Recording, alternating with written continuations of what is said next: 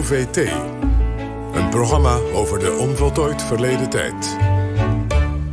We keken zo uit naar het vierde seizoen van The Crown. Want we mochten vast weer gaan genieten van de spijkerharde, maar toch innemende Queen Elizabeth, haar valse zus en de hulpeloze Prins Charles. Maar het meest verheugde iedereen zich natuurlijk op de dramatische romance tussen de prins en de hartebreekster van het Britse volk, Prinses Diana. Dat zou vast vuurwerk opleveren. Ja, en dat vuurwerk is er nu. Engeland is in een soort manische discussie terechtgekomen over haar dynastie. Aan de ene kant is er ontzetting over hoe de serie blootlegt dat het Koningshuis Diana op hondse wijze zou hebben behandeld. Aan de andere kant wordt er geklaagd dat de Netflix-serie fake historici is die de kijker ernstig misleidt. En de minister van Cultuur eist daarom zelfs dat Netflix een waarschuwing vooraf laat gaan aan de serie dat het hier om fictie gaat. Goed, Hieke Jippes is hier om ons uit te leggen hoe het allemaal zit. Zij moet het weten. Zij was er toen, toen Diana rondliep in Engeland, en, uh, et cetera.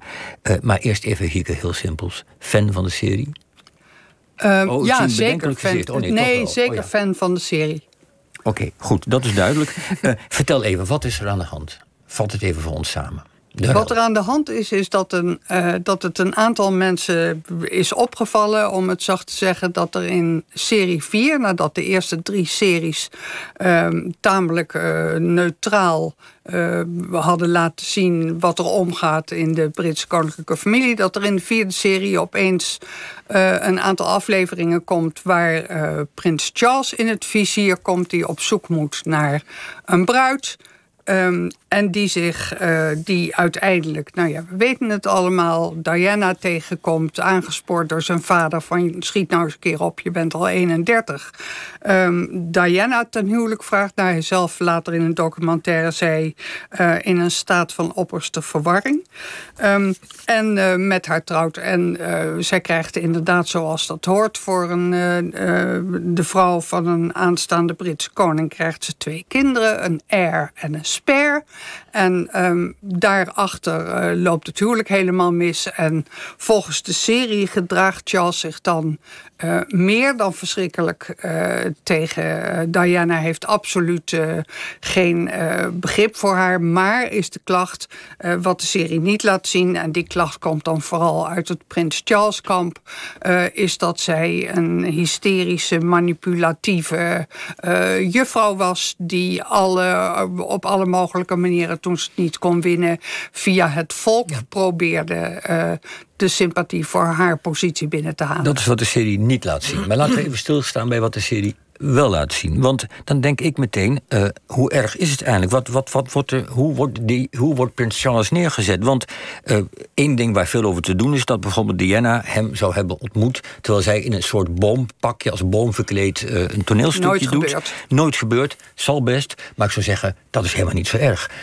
want dat is eigenlijk ook wel charmant. Daar wordt, ze alleen maar, daar wordt het allemaal leuker van. Dus wat, wat is het probleem? Wat, kun je één voorbeeld noemen van waar, waar Charles zulk historisch onrecht wordt gedaan dat het echt niet klopt. Nou, het probleem is dat dit in feite een strijd is, en in die zin echt puur historisch, dat er um, een, sinds de War of the Waleses een Diana-kamp en een Charles-kamp uh, bestaat in Nederland. Iedereen heeft een gevestigde mening, zeker de mensen die dat toen allemaal in de kranten en op televisie hebben meebeleefd. Iedereen heeft een gevestigde mening wie eigenlijk de schuld was van de, van de ongelooflijke rampzalige gebeurtenissen die zich daar uh, voltrokken. En die twee kampen die worden nu weer tot leven gewekt uh, door de serie. Dus het, het Charles-kamp was in eerste instantie redelijk tevreden met de eerste drie series. En nu komt het Diana-kamp in de vierde serie in feite in volle glorie uh, tot wasdom. En daar heeft het Charles-kamp grote uh, moeite mee vermoedelijk um, het Charles-kamp aangevoerd door prins Charles zelf. Want het feit dat een uh, Britse minister van, uh, van uh, kunstzaken... dat hij naar Netflix gaat schrijven van... willen jullie bij elke aflevering erbij zetten dat dit ja. niet de waarheid is... doet natuurlijk heel erg vermoeden dat hij dat niet zo... Ik bedoel, dat is een wespennest nee. waar je je dan in steekt als politicus. Maar doet zich heel erg vermoeden...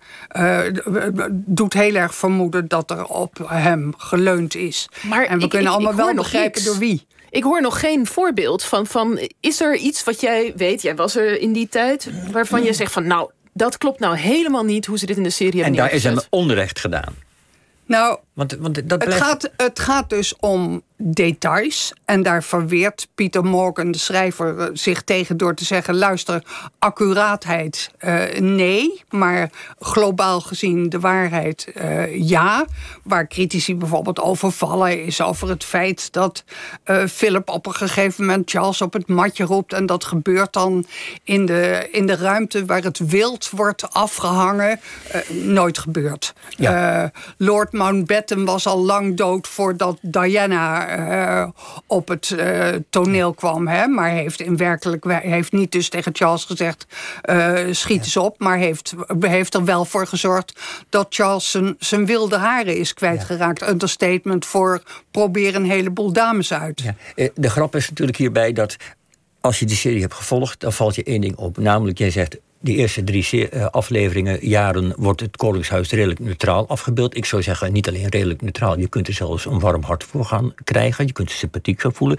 Je krijgt ook medelijden met Charles, die arme jongen, een beetje Ior uit, uit Winnie de Pooh, die alles over zich heen krijgt. En we willen even laten horen hoe, wat, wat er zo gebeurt bij Charles, want hij wordt enorm vermenselijkt, die eerste afleveringen. En uh, we gaan even luisteren naar een fragment waarin uh, Queen Elizabeth aan Charles uitlegt dat hij als royal, royalty geen mens mag zijn. Not having a voice is something all of us have to live with. We have all made sacrifices and suppressed who we are. Some portion of our natural selves is always lost. That is a choice. It is not a choice. It is a duty. Well, doing that is perhaps not as easy for me as it is for you. Why? Because I have a beating heart.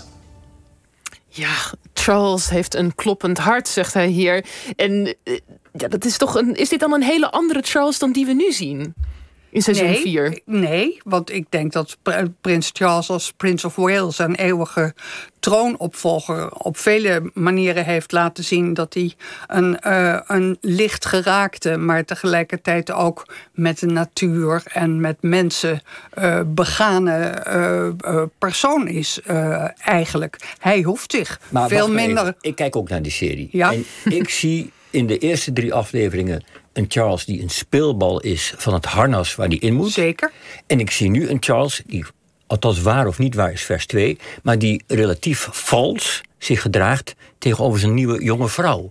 En die zich laat ringeloren door zijn maîtresse. Dat kan maar niet waar zijn, maar dat, er wordt echt een ander beeld van Charles geschapen nu toch? Ik ben toch niet. Nee, je bent uh, zeker niet gek. Maar Charles is, uh, wat zullen we zeggen, volwassen geworden. En die heeft zich ontwikkeld tot een persoon die zelf wel zal beslissen wat hij wil. Die zich niet langer emotioneel uh, laat manipuleren.